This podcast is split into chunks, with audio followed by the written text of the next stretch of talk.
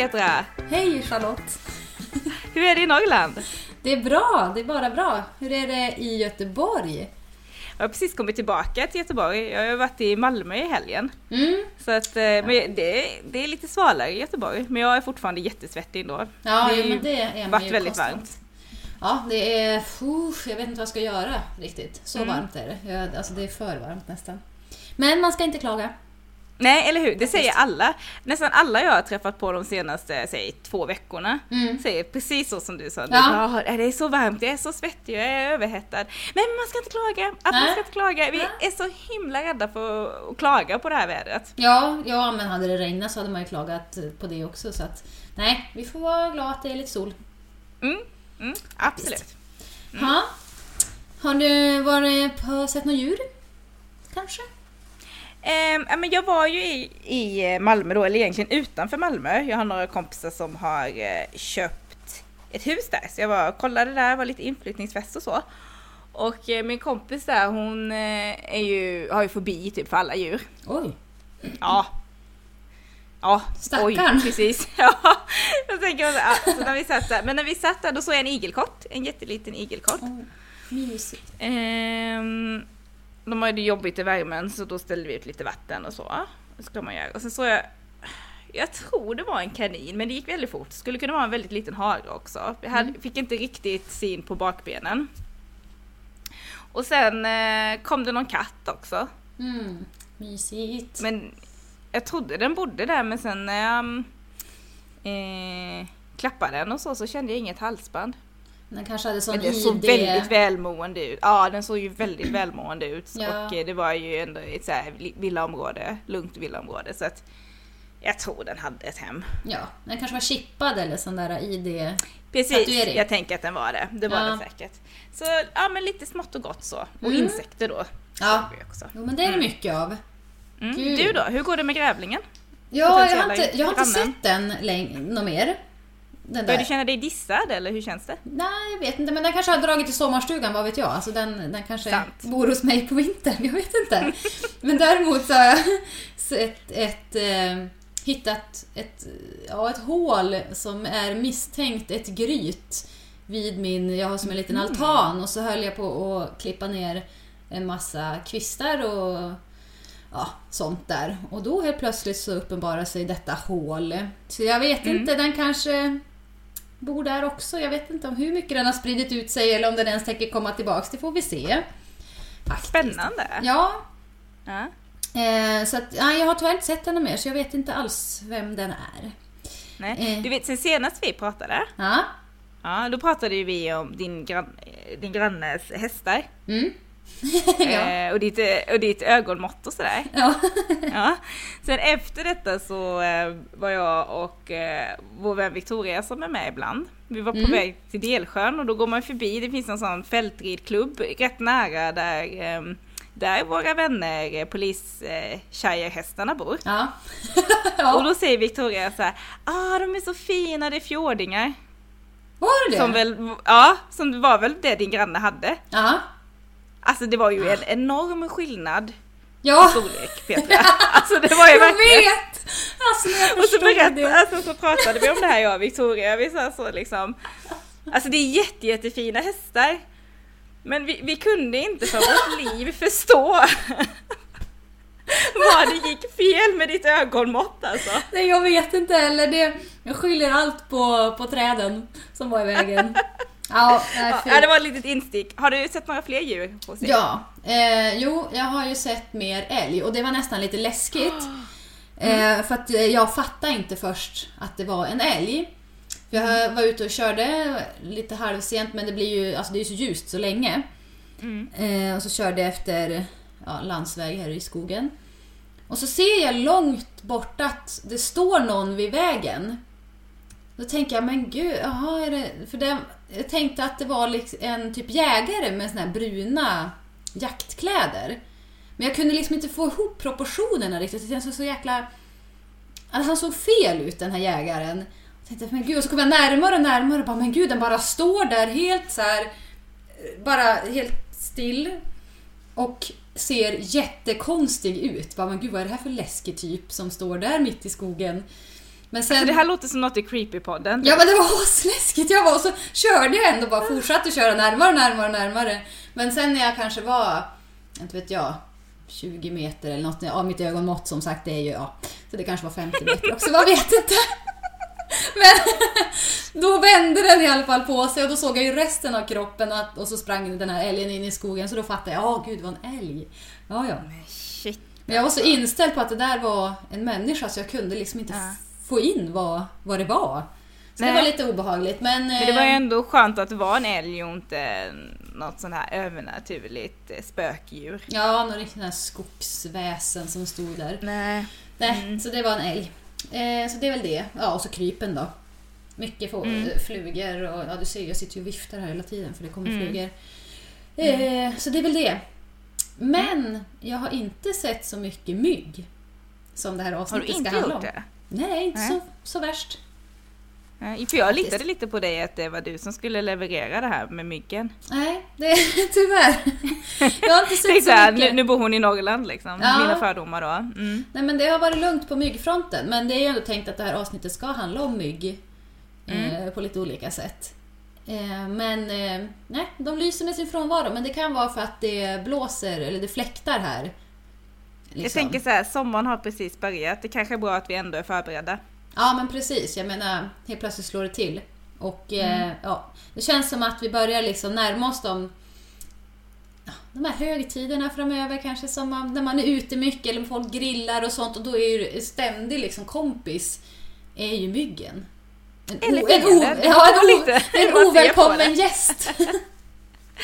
Men Liksom. innan vi går in på det lite mer, har du hittat någon djurnyhet? Ja men just det, ja det har jag ju. Faktiskt. Jag som är lite halvdålig på det där, eller ganska jättedålig egentligen på det. Men det har jag. Eh, Med tanke på vädret då, eh, att det är så varmt eh, och man inte ska klaga. Så finns det ju ändå...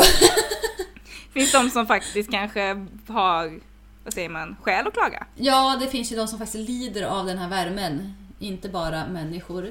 Eh, utan i och med att det är så varmt så, så torkar det ju upp på många ställen. Alltså det... Ja, man har ju läst i tidningarna nu om bönderna som inte får ihop tillräckligt mycket mat till sina djur. Alltså kossorna får ingen mat för att det växer inte tillräckligt med gräs och deras spannmål växer inte heller tillräckligt för att det regnar ju aldrig någon gång. Alltså det har regnat en gång, en skur, sedan jag flyttade hit. Det är lite mer än en Det är månad sedan. sjukt. Eh, så att ehm, ja, det är flera djur som tar skada av den här torkan som blir. Och då även fisken påverkas. Och det här är i Hamburg som eh, den här värmen har liksom orsakat en fiskdöd.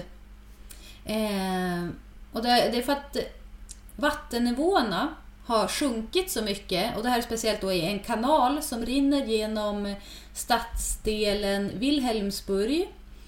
Eh, och det har sjunkit så pass mycket så att det har gjort att jättemycket fisk har dött. Speciellt de här större fisksorterna som lax och foreller och sånt har liksom drabbats hårdast. Så det bara flyter runt massa döda fiskar överallt. Eh, och så har man då tänkt att man måste ju kunna göra någonting åt det här men det är, räddningstjänsten där kan liksom inte göra någonting för att det behövs så himla mycket vatten för att de ska kunna fylla upp nivåerna igen. Så att det är liksom... Det kommer inte gå att rädda de här fiskarna. Man får ju hoppas att det börjar regna där nere någon gång så att inte all fisk liksom dör så att det blir helt... Det är jättesäd alltså. Ja! tycker det är tråkig nyhet Ja. faktiskt. Även fast vi då inte ska klaga. Men Mm. jag tycker ändå... ja, nej. Ja, jo.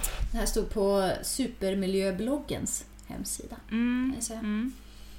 Eh, ja. Det var, det var det jag hade hittat. Det var en jättebra nyhet Petra. Jag har en nyhet på lite samma tema faktiskt. Jag ska ta upp den här. Mm. Alltså värmen då. Ja. Eh, och det här är från eh, P4 Göteborg. Mm. Eh, och det handlar om våra vänner på Fågelcentralen. Ja.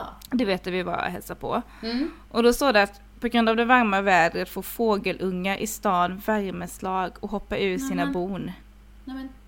Usch. Så nu har de ju då fullt upp. Det här var ju ja, en vecka sedan kanske ungefär. Första juni publicerade de detta så det är ett tag. Så att det, ja, och så är det bilder, alltså de är så små på bilden där liksom. Spädbarns Det, de har, fågelungar. ja, helt nakna. Nej, Alltså jag vet inte om jag hade fattat att det var en fågel liksom. Eh, om jag hade sett det. Så det står där.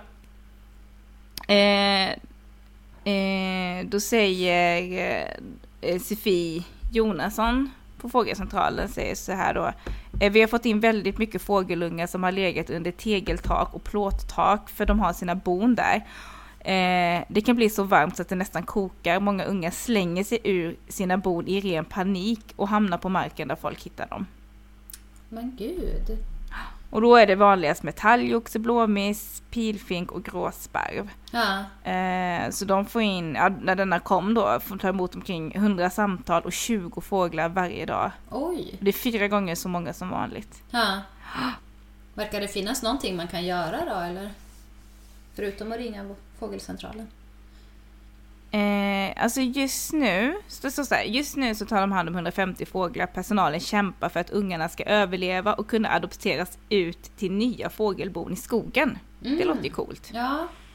Eh, vi har väldigt många bon som vi har koll på och, eh, och ungarna accepteras ju av sina nya, sin nya mamma och sina nya syskon men det är viktigt att det är rätt art, rätt storlek och att de är lika gamla. Mhm. Så det gäller ju att ha koll då, men det visste inte jag att man bara kunde adoptera. Nej, jag trodde inte... Alltså att de kände på lukt och pip och allt vad det är. Ja, Att de... eh, Ja, kände igen om det inte var deras ungar. och så Men säger de bra. så här.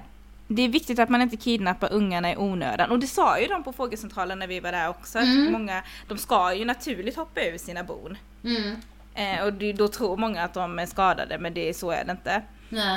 Eh, men, men om de är skadade eller helt nakna, då är det något som inte stämmer. Så Ja. det är det man ska hålla utkik efter då. Ja. Eh, och den här bilden som jag pratade om då, där jag knappt fattat att det är en fågel, Mm. den är ju helt naken. Eh, Mm. men det var ju väldigt häftigt att de kunde adoptera dem, Ja. adoptera bort dem till skogen. Men det kanske funkar när de är så små, Precis. tänker jag. Ja, och som de sa där, att det ska vara rätt, eh, de ska vara lika gamla som de egna ungarna och sådana saker. Mm. Mm. Mm, Fåglar kanske också har sådana här eh, föräldrahormoner som människor kan få. Att de blir så Ja. sentimentala och ännu mer omhändertagande. Ja, kanske det. Men det är jättebra i sådana fall om det funkar, Mm. tycker jag. Och vi får hoppas, vi får hålla tummarna för fisk och fågel och allt mittemellan.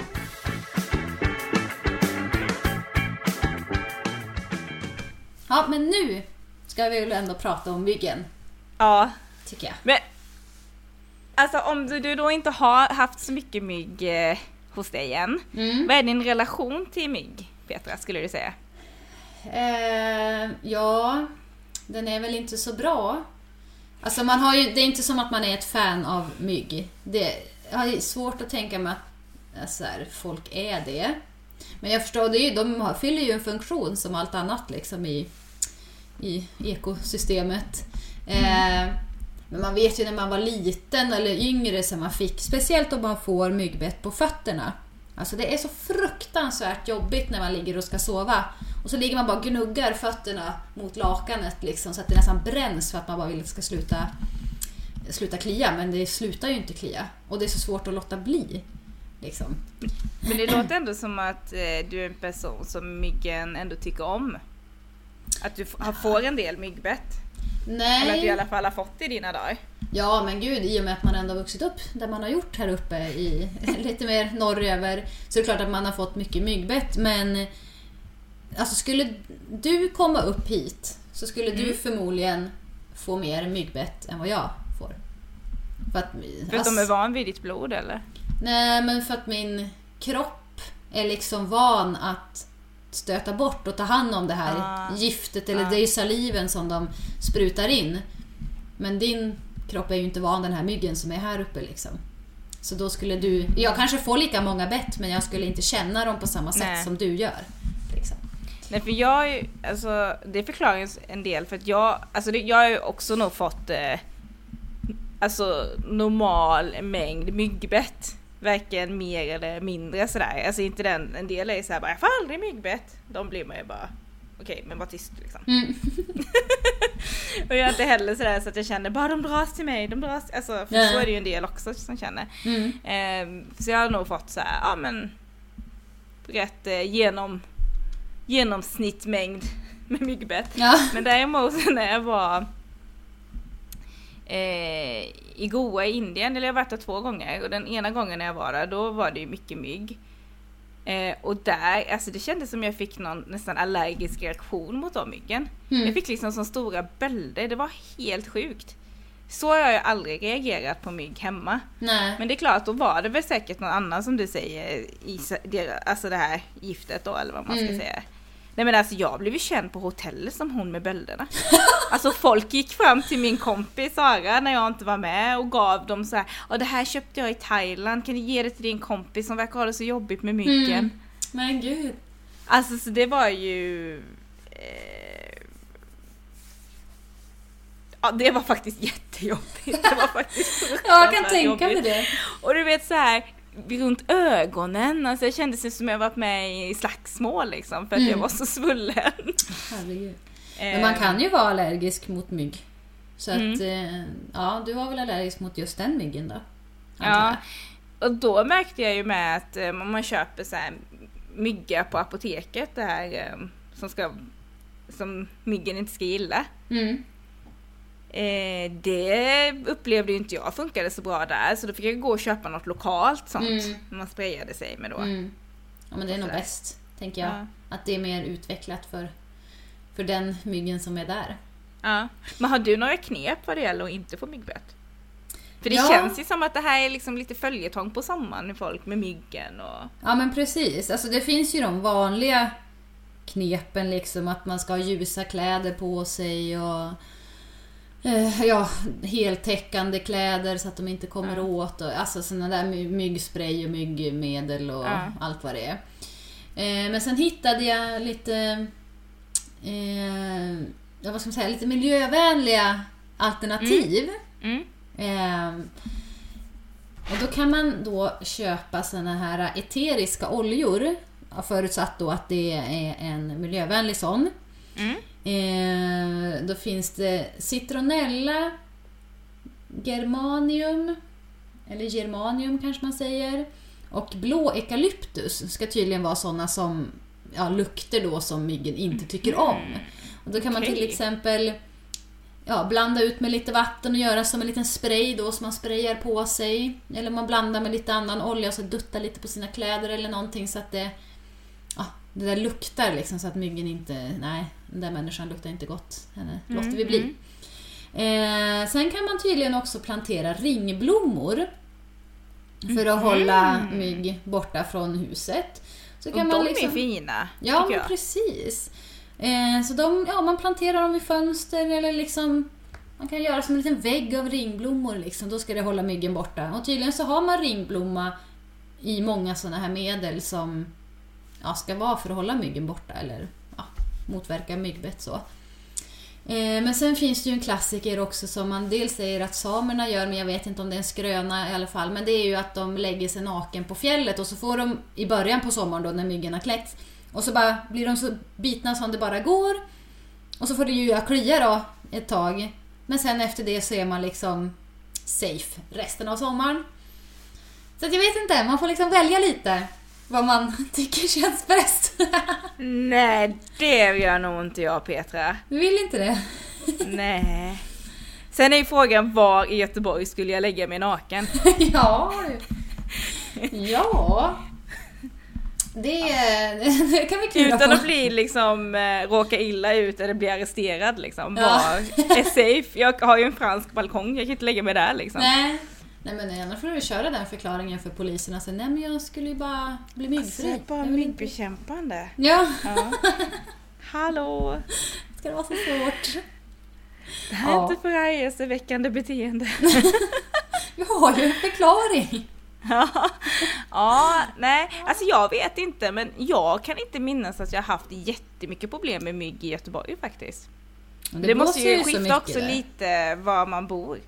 Eh, nu när jag var i Malmö så träffade jag ju, jag hälsade ju på mina kompisar men de hade ju inflyttningsfest och då var det lite alla möjliga där. Mm. Och de pratade om att då Alltså jag borde ju veta vad det här området heter men ja, där det är liksom en gammal Ja, de hade jättemycket mygg i alla fall. Jaha. Och jättemycket problem med detta.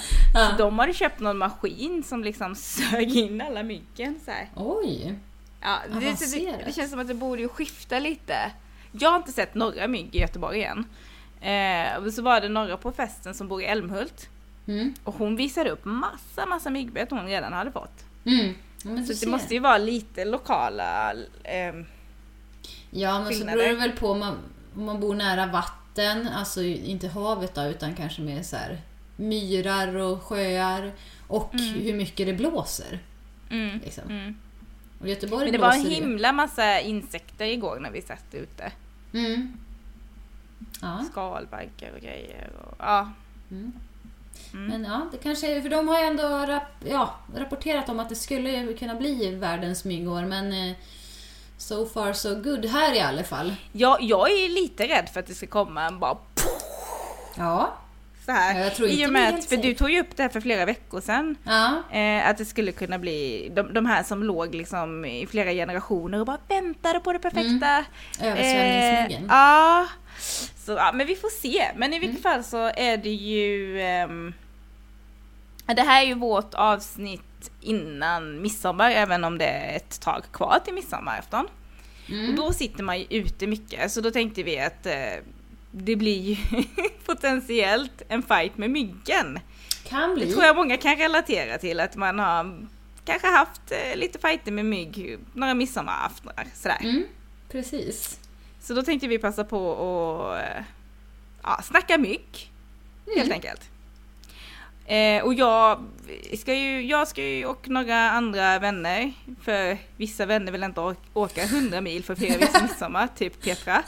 Men några av oss andra då ska ju åka ner till mitt föräldrahem, Ja. eh, som jag har FF då. Eh, precis som förra året. Och fira midsommar. Så vi träffades ju för att planera lite allmänt så här hur många bilar vi ska ha ner och hit och dit. Och så tänkte jag så här, nej men jag ska passa på att fråga dem, vad är deras relation till myggen? Nu sitter vi här då och har planerat eh, midsommar. Vad har ni för taktiker för att bli, och liksom slippa myggen på midsommar? Alltså jag har ju eh, så här myggspray från Asien. Jag har ingen aning om det bit här i Sverige alltså. Från Asien? Ja, när jag var i typ på Indonesien och grejer i början på året. Asien. Från Asien tyckte jag du sa. Ja, okej. Ja, jag fattar. Men jag, tror- jag vet inte om de biter på de svenska myggen. Så att, eh, nej. Bubblar Men det ska vara riktigt starkt eller något sånt där. Va? Bubblar huden av den eller något sånt Nej. där. Då ska du inte använda den. Nej, det tycker jag inte som att jag gjorde. Men, men vad har ni för relation till mygg? Vad väcker det för känslor? En ganska bra relation, så att de gillar mig inte. Så det är en bra relation, Ja. tycker jag. Ni andra?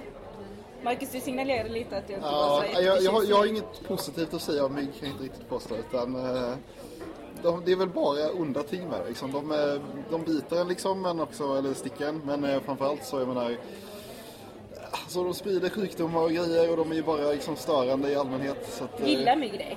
Upplever du? nej, inte så fasligt mycket faktiskt. Utan det är ganska, klarar mig ganska bra faktiskt. Eh, men absolut, jag blir stucken ett par gånger varje år. Asha, vad har du för relation till mygg? Ja, nej, jag gillar nog inte heller. Jag hade väl mest ont av dem när man gick i scouterna. När man låg ute. Så, men nu tycker jag inte att jag har så ont av dem. Victoria? Jag blev ju väldigt stucken när jag var yngre så, när man var mycket på ridläger och då var det ju både mygg och broms och grejer. Men nu på senare år har jag inte blivit stucken så jättemycket. Det kanske är som Marcus ett par gånger på sommaren. På sommaren. Erik, vill du också med? Var det... Inget att tillägga. Men hur gör ni för att skydda er mygg? Jag var, jag var ju på en, eh, fest igår, och då, fast det var ju i Skåne, där de, sa- de sa att de hade hur mycket mygg som helst. Och då hade de någon form av maskin som bara sög in alla myggen så här. Har ni Wow! några liksom, har ni någon så här, taktik? Snabba reflexer. Så man smätter till, smätter till värmen liksom. Långärmat. Jag gillar att ha en kompis som myggen faktiskt gillar bredvid mig, för då är jag typ helt säker. För det är, de jagar inte mig utan de jagar ju någon annan hellre. Mitt blod är här andra sorteringen tror jag. Så det är, det är skitbra om det är någon annan som mycket gillar för då är jag typ helt safe. Men hur ska vi göra nu då på midsommar för att Jag gillar mig slippa myggen? Tänker vi. Gillar mig dig. Inte sådär fasligt mycket. Ja, men jag ska hitta någon annan umgåsmycke på midsommar. Men finns det så här ljus man kan tända som de inte gillar? Ja, kanske. Nej, jag vet inte. Men eh, som du säger, myggspray eller vad det nu hade. Ja, jag, jag har aldrig använt det i Sverige men när man är ute och reser så kan man hitta det liksom. Men där är det ju så här, där behöver man ju det för att eh, där finns det ju massa typ sjukdomar och grejer som så här, malaria och liksom gula febern och det ena och det andra liksom. Så där måste man ju verkligen skydda sig från myggorna på ett annat sätt. Här Var är det inte där du fick myggbett när du var i Indien? Jo, alltså det var fruktansvärt. Ja, Men då funkar det inte mitt svenska. Funkar Nej men det är därför man ska köpa lokala grejer. Ja, och det jag, det är det jag. menar att jag kan inte använda det som jag har från Indonesien utan jag måste ju i så fall Ja, något som de svenska myggen inte tycker om. ja. Som jag har förstått. Jo, för mig var det så fast tvärtom då i alla fall. Ja. Men ha långärmat, testa några ljus, snabba reflex. Så jag kanske Rök bjuda tycker in de inte om. Så att jag kanske kan kedjeröka där. Asha kedjeröker, Bosse jagar rätt på en person som myggen gillar. Ja. Sen är vi Då kommer inte den personen gilla dig sen. Men är det mycket sånt knott och sånt skit där? Nej, det tror jag inte. Vad bra, för det är de som är jobbigast nästan när de är så ska flyga i ansiktet och hålla på. Jag vet inte, alltså de säger att det ska vara äh, stup myggor men jag vet inte hur det är vad är det för skillnad på knott och mygg? Myggor är ju myggor.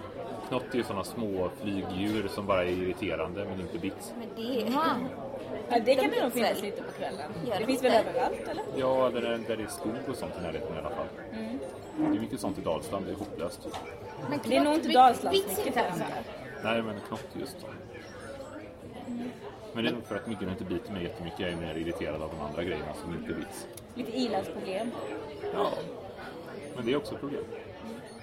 Men då skaffar du, tar du reda på någon som vi kan ha med som uh, myggen gillar. Ja, Vilken bil ska den åka? Oh, det, Åka ska, ska vi ha myggor i bilen? Det, det jag vill inte vara i den bilen.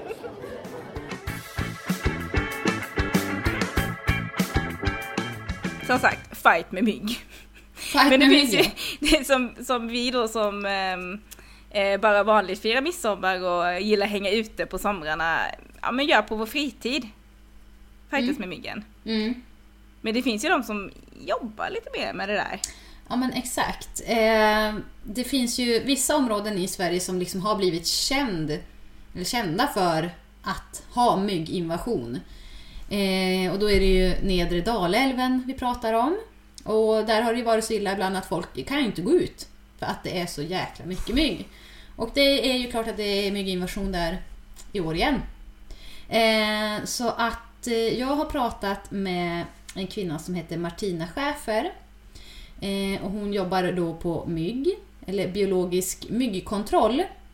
Eh, hon är bekämpningsledare med GIS-ansvar och jobbar då med att bekämpa mygg.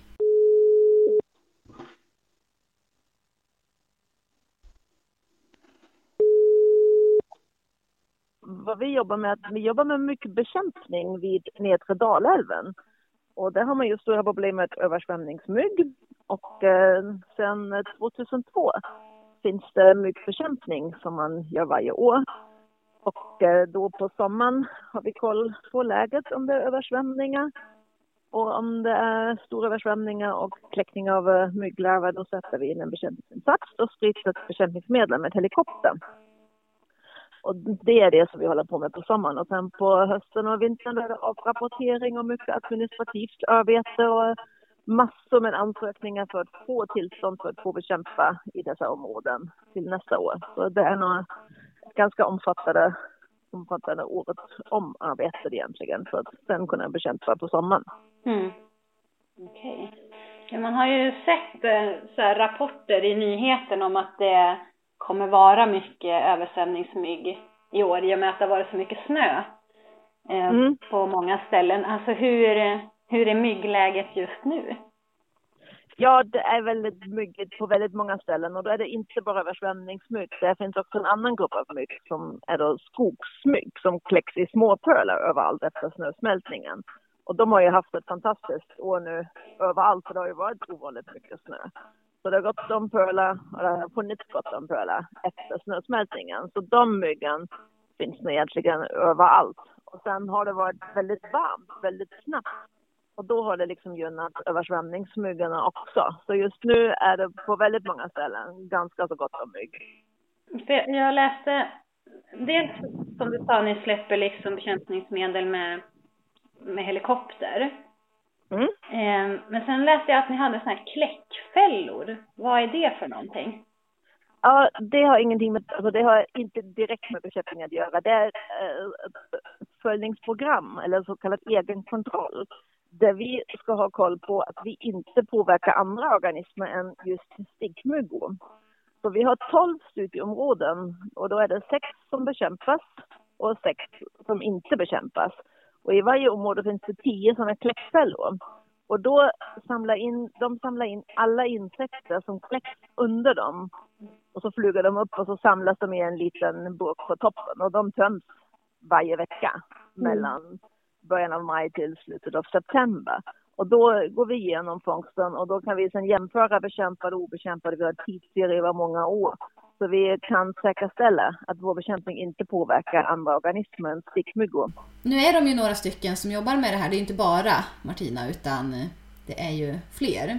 Jag hoppas hon har hjälp. Ja, ja hon För har det ju låter kollegor. helt övermäktigt annars måste jag säga. Ja, nej, men hon har ju kollegor. Eh, och varav en kollega då som vi fastnar lite extra för, kan man väl säga. Ja. Det är ju nämligen Sveriges enda mygghund, James Bond. Alltså Eh, James Bond. Ja, det är fantastiskt. Vi lägger ut en bild på honom på Instagram när han står och eh, håller i ett sådant här arbetsredskap och han är fantastiskt söt. Ehm, så att, ja, jag var ju tvungen såklart då att fråga lite mer om James Bond och vad han gör för någonting. Vardags kallas han för, för Bond bara, inte James Bond men bara för Bond. Och eh, han eh, kom till mig när han var tre år och eh, alldeles jättevilt och sådär. Och eh, han fick hänga med på allt med, med jobbet. Så han jag har ju ett sånt jobb som det är väldigt smidigt när man har hund. Så han fick hänga med och han lärde sig väldigt snabbt att det gäller att hitta vatten. Så när vi är ute och inventerar, inför någon bekämpning eller för att ha koll på läget, så är vi ju, vi vill ju hitta översvämningar. och Ibland är det väldigt lätt. Men ibland mitt på sommaren när vegetationen är jättehög så är det inte det. Och då kan man skicka ut en hund till exempel.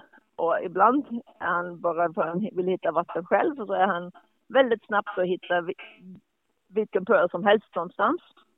En annan variant som vi har lärt är oss är att eh, står du framför ett gräshav och du har ingen aning om det är vatten där under eller inte. Kasta ut en boll eller någonting och sen har du en mygghund som springer efter och så ser du om det blaskar eller inte. Så då vet du om det är vatten där eller inte. Det funkar väldigt bra. Och han är väldigt glad i alla lägen att springa efter en frisbee eller en boll. Så det är hans favoritsysselsättning om man får välja själv. Vill han helst byta runt med sina leksaker. Så det är ett utmärkt sätt att förena både jobb och nöje för oss allihopa. Mm. Så då får han fixa sånt och så som sagt kan hänga med. Att han, han kan bära på grejer, ibland får han bära på vår utrustning. Det är också ganska smidigt. Och sen när det är själva bekämpning, då är, har han en väldigt viktig uppgift och det är det där att vi, det blir väldigt många timmar vi jobbar då. Um, det är, uh, nu är det två piloter, men det, ibland i början var det oftast bara en pilot som flyger alla sina timmar som man får flyga och då sitter de i en helikopter och det är varmt och de sitter och så ska de ta en paus. Och då gäller det att få ut dem med helikoptern och att de får röra lite på sig. Och det är inte helt självklart när man ändå har suttit och vill ta en kopp kaffe. Men då kommer Bond med sin leksak igen.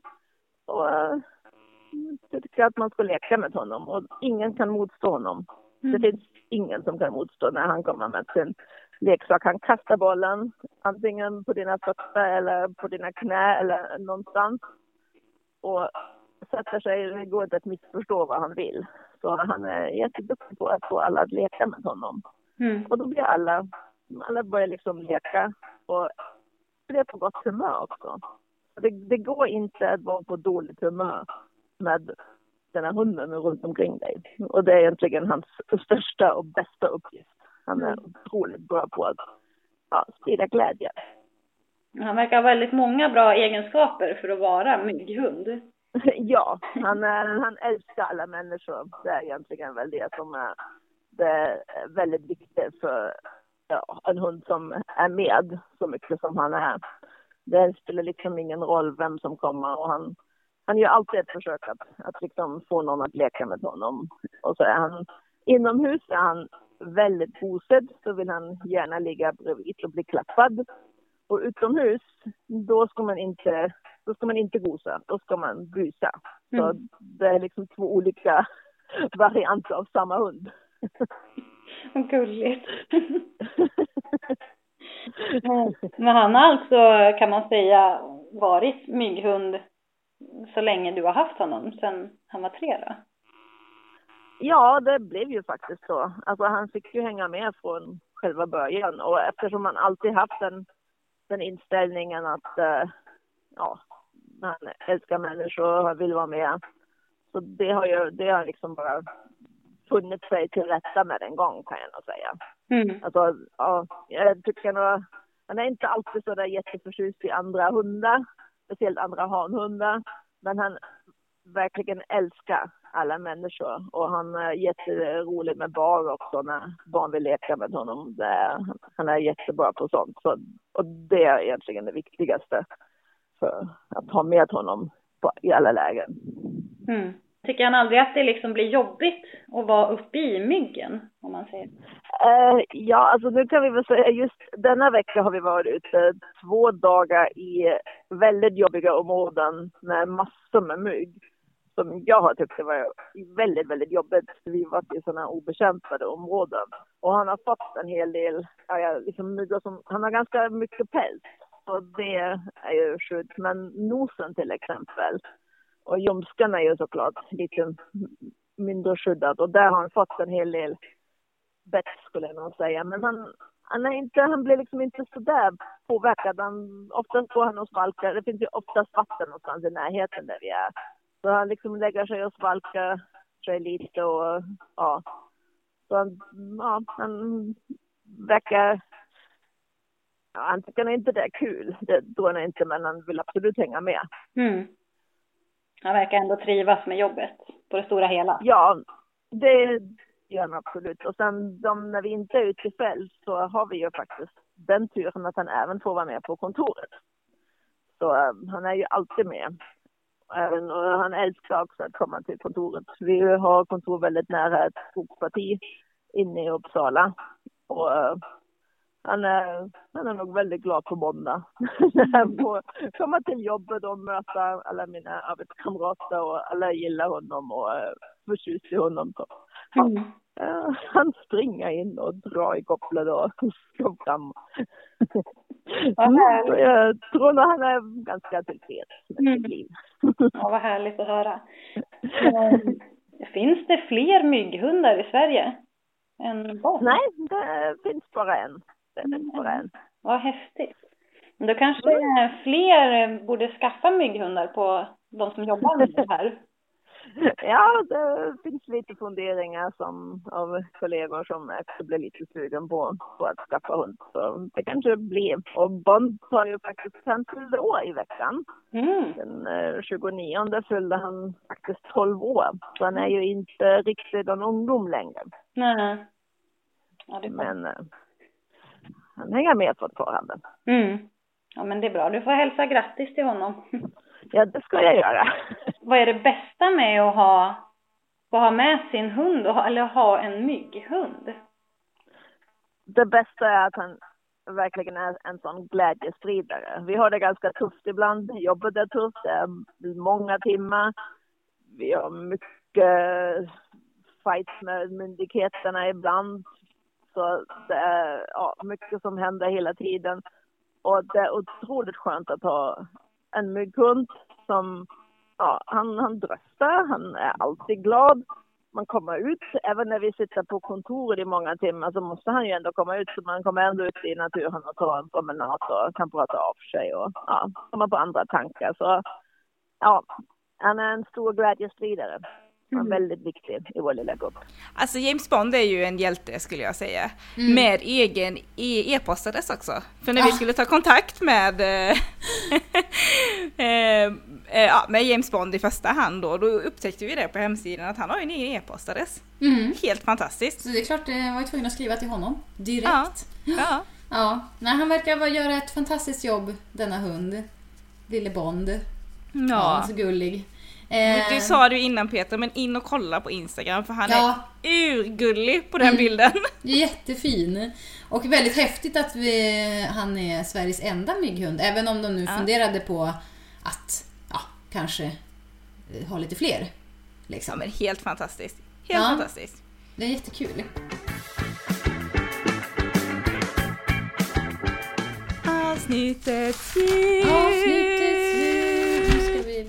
Jag kan ingenting om avsnittets djur. Nej, nej nu lämnar Så jag är jätte, jättespänd nu. Ja, jag är Ja. jätte, jättespänd. Eh, yes, då ska vi prata om eh, lejonapan. Mm. Eller lejontamariner, som det också heter. Mhm. Eller verkar heta, ja, om jag söker på lejonapa och sen finns det ju då faktiskt fyra olika sorter. Då heter det med tamariner på slutet. Så att jag säger nu lejontamariner. För Okej. att vara korrekt. Eh, och det finns ju alltså då fyra olika som jag tänkte gå igenom. Men eh, först och främst kan jag bara säga att de tillhör släktet kloapor. Eh, eftersom att de Så har de är, då... mer, de, är mer, de är mer apor än lejon. Ja, det är de. Jag kommer på att hur man nu ska, liksom, om det inte är självklart hur man ska klura ut vad, vad djur, om djuret har två djurnamn i sig. Som valhaj eller ja. Ja, så tror jag att det är... Nej, så kan det inte alls vara. Gud vad dum jag är. Nej för valhaj var ju... Ja, det var ju val först. Ja och Nej, det var och haj. Nej, det var ju en haj. Det var en Ja, haj! det var exakt så. Nej ja. men då är det rätt ja, som du tänkte. att det är det sista djurnamnet som är det det och det faktiskt andra är. är en mer beskrivning av hur ja, det ser ut. Exakt. Ja, Så precis. valhajen var en haj som är lik en val. Ja, och lejonapan är en apa som är lite smålik Har lite, ja, som har lite lejon-features typ. Ja, precis. Mm, Okej. Ja, tillbaka. det är ju alltså då släkt, eh, tillhör släktet kloapor. Mm. Eh, det är ju för att de har klor på alla tår och fingrar. Eh, förutom på stortårna, eh, för där har de som naglar. Eller jag tror att de har fyra fötter, så egentligen är det bara tår vi pratar om. Eh, men just på tummarna då, eller stortårna, så är det eh, naglar. Eh, I alla fall. Okej. Mm. Mm. Och då finns det ju då alltså fyra stycken som jag sa, fyra lejontamariner. Eh, och det här då med lejon, precis som vi konstaterade innan, är ju att de har vissa drag som kanske liknar ett lejon. Och i det här fallet så är det allt hår som de har runt huvudet som då liknar på en lejonman. Okej. Mm. Eh, jätte, jättefint. Eh, ibland så kan det liksom nästan lägga sig som i en mittbena också. Det här håret. Och då blir det, ja det är, de är jättegulliga. Det låter jättefint. Ja, eh, då finns det alltså vanlig lejontamarin, svarthuvad lejontamarin, eh, gyllenhuvad lejontamarin och svart lejontamarin. Eh, och den vanliga lejontamarinen, den har ju liksom sånt här gyllene hår, alltså det är verkligen gyllene hår längs hela kroppen. Det är lite så orange, lite gingerfärgat, ja, en jättefin färg, det liksom lyser, skimrar om den här lilla apan. I den här, ja, det här svallet av hår som ibland då lägger sin frisyr. Ja, det är fantastiskt. Jätte, jättefint, men oftast lite kammat bakåt sådär. Mm, mm. Eh, det som är lite knepigt då, det är ju att den här vanliga lejonapan, eller lejontamarinen, klassas ibland som en separat art Eh, eller ibland som en underart till lejontamariner. Men jag tänker eftersom den heter vanlig lejontamarin så tänker jag att jag, jag räknar ändå med den i gänget liksom av de här fyra. Ja, alltså, jag ja, gör menar, det. annars skulle den inte heta vi vanlig. ska inte vara sådana, vi ska vara inkluderande. Inkluderande Ja, ska vi precis. vara. Ja, absolut. Petti. Just den här lilla, den vanliga då, lejontamarinen, den håller till vid kusten i staten Rio de Janeiro i Brasilien. Eh, alla de här håller till i Brasilien kan jag säga. Mm. Eh, sen har vi då den svarthuvade lejontamarinen. Eh, den är väldigt sällsynt men bor i sydöstra Brasilien. Eh, och jag kan ju säga att namnen på de här eh, avslöjar ganska mycket om utseendet, men ändå. Den här lejontamarinen har då eh, hade liksom svart hår kring huvudet Ja. eh, och fötterna och svansen, men är gyllene på resten av kroppen. ja, det är ju fräckt. Ja, den är jätte, ja den, de är så fina. Sen har vi då den gyllenhuvade svart, eh, tamarinen, lejontamarinen. Den har ju helt omvänd färgkombination så den har ett gyllene huvud och svans och fötter men är svart i resten. Så det är liksom Coolt. väldigt flashiga faktiskt. Mm. Ehm, Det är snyggt ihop med svart och lite så här guld. Mm, Alltså det är snygga, snygga färgkombinationer. ja. Eh, den här gyllenhuvade då den har lika långa ben både fram och bak vilket de andra lejontamarinerna inte har utan de har lite längre bakben. Jaha. Ehm, Men den här finns då i östra Brasilien. Så de är lite liksom utspridda. Sådär. Eh, sen har vi ju då den svarta lejontamarinen. Eh, och inte helt oväntat då så är ju den helsvart. Ja. Den kan vara lite sådär röd, svart, alltså i håret på, lit- på ja, små ställen på kroppen men på det stora hela så är den helsvart. Eh, och den finns då i 11 olika liksom, separata småskogar i södra Brasilien. Coolt. Mm. Men det som är gemensamt för den här typen av apa är att de är små. Eh, kroppslängden är runt 20 till 34 centimeter. Oj, det är inte så mycket. Nej, det är liksom ja, 20 centimeter. Det är ju inte alls mycket. Nej, det är det inte. Eh, Åh, vad men- gulligt! Ja, det är skitsött. Men så har de en lång svans då som är mellan 26 och 40 centimeter. Så det är ganska Oj. mycket svans. Mm. Ja. Eh, och de gillar att bo i regnskogar, uppe i träden. Eh, och så då... Eh, ja, de håller till högt uppe i, på grenarna och så, ja, de är aktiva på dagtid. Eh, men som eh, många vet då så skövlas ju den här regnskogen. Mm. Det gör den ju. Eh, så att deras utbredningsområden har ju krympt mer och mer. Och det här gör ju till exempel att den svarta lejontamarinen, där är man rädd liksom att det ska bli inavel mellan de individer som faktiskt finns kvar. Eh, för att det... De är så få då. Ja men precis, de kan liksom inte bli fler för att det finns inte plats. Till. Ja, eh, de, det, de, det finns tre av de här sorterna som är listade som starkt hotade. Mm. Eh, men den som är svarthuvad då med lite gyllene kropp, Mm. den är akut hotad och där finns Oj, det ja. bara... Det var den du sa ungefär- ja, som var lite mer ovanlig. Ja, Att den är svår att se och så. Precis, det finns ungefär bara 400 kvar av den. Oj, ja, det är inte Ja. mycket. Eh, men det som är bra är att flera av de här områdena som de håller till på eh, har liksom blivit naturskyddsområden och reservat. Eh, plus att man försöker liksom återlämna avlade individer till frihet. För att tidigare så har man fångat in dem för att de ska kunna vara på djurparker och de har också fångat in för att sälja som husdjur. Men nu försöker man liksom kompensera det man har gjort tidigare med att så här, ja, sätta ut de som avlats i fångenskap i frihet. Alltså, jag kan Mm. tänka mig att det blir en risk där med att man vill ha dem som husdjur när de är så små. Mm. Och ha de här ehm, eh, attributen med Mm. Den här manliknande och att det är gyllene och Mm, jag kan ju tänka mig att det blir liksom, ja. Ja. Eh, men ja, de jobbar ju på i alla fall att försöka liksom eh, få ordning på deras revir och områden där de kan vara i fred och kunna liksom bygga upp stammarna igen. Om man Mm. säger så. Eh, men de äter i alla fall det mesta, så det är ju bra. Mm. Eh, spindlar och grodor och ödlor går ner. Eh, men i huvudsak så är det frukt och det är ju Ja. gott. Eh, blommor och frön kan de också äta. Ah. Eh, Men allätare låter det som. Ja, de äter Mm. mer eller mindre det mesta. Kanske inte as, det stod det ingenting om. Nej. Nej. Ehm, deras grupper, eller familjer, består liksom av eh, flera individer. Oftast är det då föräldrapar eh, och deras ungar. Men oftast i de här grupperna så är det den dominanta honan som får fortplanta sig. Mm. Eh, och när hon väl då är på smällen så är hon gravid i 125 till 132 dagar. Mm. Eh, och så föder hon oftast tvillingar. Faktiskt. Okej.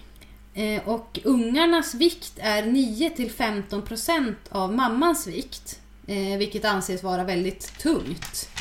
Eh, hon är ju inte så stor, mamman egentligen.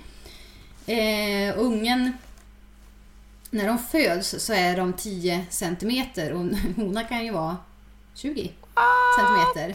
Eh, och så har de en svans på 12 till 14 centimeter. Visst, Jättegulligt. vi skulle föda bebis som är så här. ja, ja. Alltså det är ju helt sjukt. Vi har en, en- nästan 1,60 liksom. Så här, Ja. 80 centimeter. Bebis. Be- Au, Ja. Jag vill inte tänka tanken. Vi går vidare. Ja, det är lite mycket. eh, men det som är bra, för det, alltså det tar ju väldigt mycket energi av den här mamman att föda ut och amma detta Jo lilla tack. barn. Ja, kan man tänka sig. Ja, Ja. Mm. eller stora barn kanske man ska säga. Eh, men då hjälper de andra i gruppen till. Dels så papporna tar huvudansvaret och sen hjälper också de andra till i den här gruppen för att uppfostra den här lilla bebisen. Mm. Eh, för när de föds, de föds liksom med allt hår på och öppna ögon. Eh, så den är ju klar liksom, ja, den när är den färdig kommer. liksom. Ja, Mm. den behöver inte ligga och...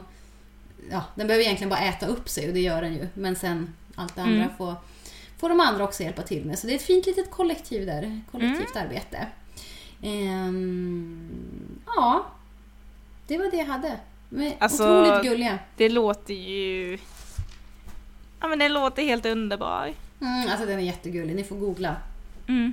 Det måste ni Absolut. göra. Ja, jätte, jättefin. Är den. Ja, jag är jätteglad att det blev eh, just det djuret faktiskt. Jag Ja. lärt mig jättemycket och det låter så gulligt. Mm. Mm. Ja, ska vi lotta den här säsongens sista djur? Ja, vi För- tänkte ju ta ett avsnitt till efter detta och sen ta lite semester. Inte Ja, jättelångt, sen blir det semester. lite semester. Ja. Mm. Jag har nästa- några här i en burk. ja, Ska, ser du den om jag håller sista. upp den så, så att jag inte fuskar? Ja, jo, jag ser. Mm.